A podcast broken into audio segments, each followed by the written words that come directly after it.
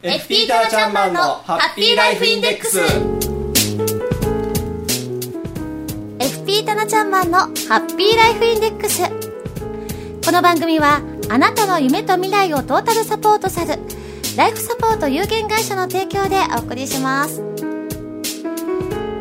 私たちと一緒に明るい未来幸せな生活になるための心の豊かさについて考えてみませんか？この番組ではあなたからの意見や質問もおけお受けしています。番組の放送中でも大歓迎です。そしてその他の曜日いつでも OK ですよ。メールで送ってくださいね。たなちゃんマンへの応援メッセージをお待ちしています。宛先は fm768 アットマーク p-wave.ne.jp メッセージの宛先と同じです。Fm768 アットマーク p-wave.ne.jp です。お待ちしています。さあそれでは今日も早速一級ファイナンシャルプランニング技能士でありライフサポート有限会社代表そして日本メンタルヘルス協会公認の心理カウンセラーとしても活躍されていらっしゃいます。幸せクリエイタータラちゃんマンをお呼びいたしましょう。あなたもご一緒に。せーの。タナちゃんマンはいこんにちは。棚橋です。はいこんにちは。は。第2週とね第4週のこの時間に登場してくれるタナちゃんマンですけれども、はい。第4週目の今日はですね心理カウンセラーセラピストとしてのタナちゃんマンの登場でございます。はい。幸せな生活になるための心の豊かさについて、い、ろいろお話を伺っていきたいと思っていますが、はい。今日はですね、はい。先月の第4週の放送の予告通りでございます。そうですね。はい先週はですねあのストレスということだったんですけれどもね今回はですね、はい。メカニズムまたまたでございます。ね。はい。今回は怒りについてねお話ししていきたいと思います。はい、どうしても年末ねあのパタパタっとこう掃除はやんなきゃいけないし、お正月の準備やんなきゃいけないしはってい。つもとは違うまた年賀状も作らなきゃいけないそうですね。私まだ書いてない。みたいな。本当にねなんかこう一年の集大成がドドドってくるような感じでねどうしても慌ただしくなると、ちょっとね。こうカリカリしちゃいねしがちですよ ね。空気があったりします、はメカニズムが分かることで、ね。はい。ある程度ね抑えられると思いますね。はい、先月はねそのストレスのメカニズムどうしてストレスが来るのかっていう話からね、まあ、そこからまた怒りも湧いてくると思いますけれどもどうして怒りが湧いてくるのかというところなんですけれども、うん、怒りっていうのはどうして湧くのか？どういう時に怒りってあもう込み上げてきますか？時とか、はい慌ただしい時とか、あこれもやんなきゃあれもやんなきゃ今言わないでよみたいなね そうですそんねな時が多いですねはい、うん、そうですね。てはですね、やはり何かに期待しているところから来るんですよね。あれしなきゃならないってうんいうのも一つ期待です。こうしなければならない。ででもできない。できる自分がいるはずなのにできない自分に対しては腹立たしくなったりとかですね。この忙しい時にもしあの自分の世界でね、自分の空気でこう世界の中でこう物事を運んでいきたい時に声をかけられる、声をかけないでねっていう期待をしている中で声をかけられてこうイラッとくるとかですね。全ては期待をしているところから怒りって込み上げてくるんですよね。分かってよみたいなそうなんですよね。あるのかもしれませんね、はい。はい。で、心理学では、怒りの感情っていうのは、はい第二感情と言われてるんですよ。第2はい。二番目の感情なんですよね。第1ではなくて。はい、そうなんですね。その怒りの前にも一つ何か感情があったはずなんですよ。はいはい。それがつまり期待なんですよね。だから例えばですね、あのーまあ、お母さんが、まあ、デパートへ買い物に行ったりとか、まあ、遊園地でもいいですね、遊園地遊びに行ってですね、こう、気づいた時に子供さんの姿が見えなかった。びっくりしますね。びっくりしますね、はい。心配ですよね、はい。不安ですよね、どこ行ったんだろう、うん。どうしてるんだろう、大丈夫かなってすごく不安で心配で、はいこれが第一感情なんですよね。はいで、えーまあ、その場内アナウンスでね、あのうんお子さんが見つかりましたっていう放送を聞いて、ほっとしましたよね。はいで、子供さんの姿を見た途端に、あなたどこ行ってたのよって怒りになるんですよ。だから、不安、心配、ほっとしたところまでが第一感情。その後で怒り、この、湧いてくる感情が怒りなんですよね。ああそうなんですね、私もあの小さい頃迷子の経験が多くてですね。あ、そうですか。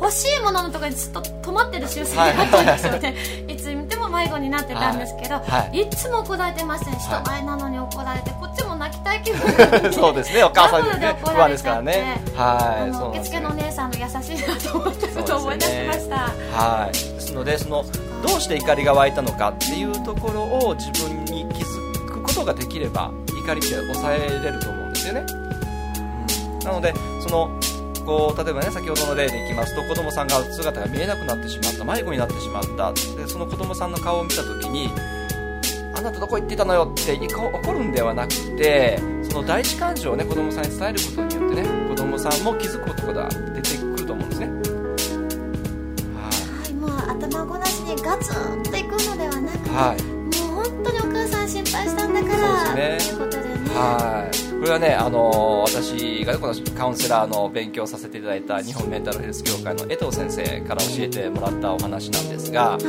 江藤先生がですね、えーアメリカえー大学生時代ですね、えーアメリカへ留学をしていらっしゃった時に、えーホームステイをしていたあー心理学教授のお宅のですね、えーご家族と一緒に遊園地へ遊びに行ったらしいんですよ。はい、うん。その時に一番、えー下の子供さんメアリーちゃん言われるんですけど、メアリーちゃんがあ遊園地で迷子になっちゃったんですねはい。その時にですねあのやはりこう心配じゃないですか。であのみみんな一緒にこう探したんですけれどもこう遊園地のですね放送で見つかったっていう放送があってですねはい。こう子供さんを迎えに行った時にそのメアリーちゃんのお父さん、えーその留学先の先生ですね、うん先生がそのメアリーちゃんに何て言ったかってすごく心が感感動したんですけれどもっていうとですねメアリーこのお父さんたちはすごく心配したんだよってこう、ね、その江藤先生、ね、ノブって言うんですけどノブもこう楽しみにして来てくれたのにノブまで心配してみんなで探してくれたんだ今日は楽しいはずのね一日を過ごすはずの今日だったのにすごく心配でこうお父さんはすごく今心臓がドキドキしているんだメアリーってねメアリーのですね手をこう自分の胸に当ててですねどうだお父さんの心臓ドキドキしてるだろう。お父さんあの、ね、心配してくる辛かったんだ。分かってくれるかメアリーって伝えたらしいんですよね。じゃあメアリーは何て言ったかなんですけれどもごめんねダディ。私これから一人ねどっか行く時はちゃんと声をかけて行くからごめんねダディって言ったらしいんですよね。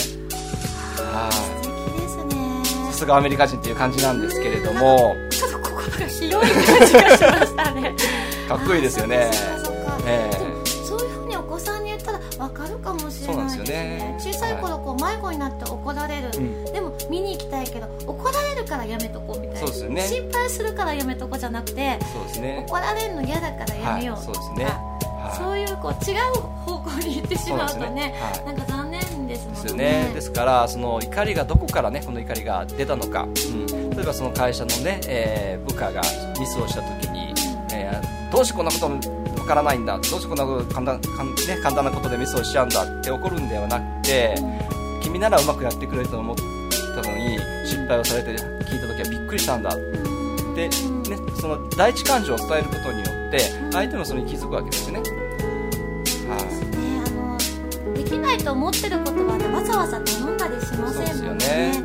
はい。そうやって伝えることで部下の方も分かってます。ます頑張ろうというそうなんですね。やる気になってくれますしね。あのモチベーションも上がってきそうな気がしますね。はいでねその怒りの感情のメカニズムが分かれば人間関係も良くなりますし、うん、自分自身のね、あのーやっぱりこう怒りの感情を相手それを口に出した時って自分も嫌な感じがするじゃないですか。ねなんか自分が人間ちっちゃいなと 思う瞬間でもありますね。えー言った後ね。ね。あはい。言っちゃった。やっちゃったっていうのもありますしこうそのイライラっていうのがずっと尾を引きずったりとかねしちゃうじゃないですか。誰もいい思いはしないですはい、だからその第一感情を気づくことによってそれを伝えればですね自分の怒りも抑えられますし人間関係が良くなっていく、ね。ぜひこんなことをね、えーこうイラッときた時はその前の感情何だったかなっていうのを思い出してね日々過ごしていただければなと思います。特にこの年末忙しい時期ですのでね、はい。イラッとすることがねね。はい、多いと思いますんでね、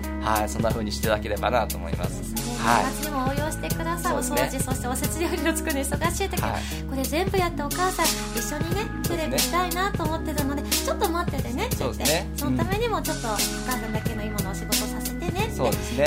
だけでも違いますよね。は なんかピリピリしたお正月迎えたくないですかそうですね。はい。ぜひあのの本当に広い心でというか自分のもともとの最初にの感情に気づいてそれをまずは伝える、はい、第二感情でまず第一感情をお伝えして、ねはい、ということなんですねわ、はい、かりました、ありがとうございましたそしてタナちゃんマン、来週はですね、今度の放送はですねもう来年に来年なんですよね。はい、よろしくお願いします。今年は本当に楽しい放送はい、ありがとうございます。ありがとうございました。ありがとうございます。来年はですね1月の13日第2木曜日1月13日木曜日になります。また同じ時間、夕方の4時40分からになりますので、ぜひ。楽しみにしておいていただきたいと思います、はい、そしてね年末年始あのご家族が揃う時にですねまたぜひこの放送を聞き直していただきたいですし、ね。はい、あの復習もしていただきたいなと思います。いろんなね素敵なお話を届けてくださいましたので、はい。そのあの復習というかですみんなでこうあこういう話あったあったというようなね、はい、そんなあの旦那のひとときもしていただけると嬉しいななんて思っています、はい、このライフサポート有限会社のホームページぜひチェックしてたなちゃんマン。ねちゃんだけがひらがなでたなちゃんマンというふうに検索エンジンにいただいても OK でございますし、はい、FM 四日市 FM ポートウェーブのホームページのトップにもねこのマナーがあります紹介コーナーがありましてそれにリンクが貼ってありますので簡単にアクセスしていただくことが可能でございます。ぜひねこの放送そしていろんな情報盛りだくさんでございます、はい、ちゃんマンのホームページはいろんな情報盛りだくさんです、はい、ここ分かんなかったんだよっていうね。そ、ね。はい、その情報も盛りだくさんでございますからね。ぜひねゆっくりとご覧になっていただきたいなと思っています、はい、かなり勉強になりますよ。タナちゃんマンが次に登場してくれます。第2木曜日は一級ファイナンシャルプランニング技能士としてのタナちゃんマンが明るい未来。そして幸せな生活になるためのマネーライフのお話をしてくださいます。お楽しみにしておいてください、はい、次回の放送は来年になります。来年の1月13日木曜日。4時40分からの放送です。FP タナチャーマンのハッピーライフインデックス。この番組はあなたの夢と未来をトータルサポートするライフサポート有限会社の提供でお送りしました。タナチャーマン素敵なお話ありがとうございました、はい、ありがとうございます。それでは次回1月13日木曜日4時40分からの放送お楽しみに。バイバイ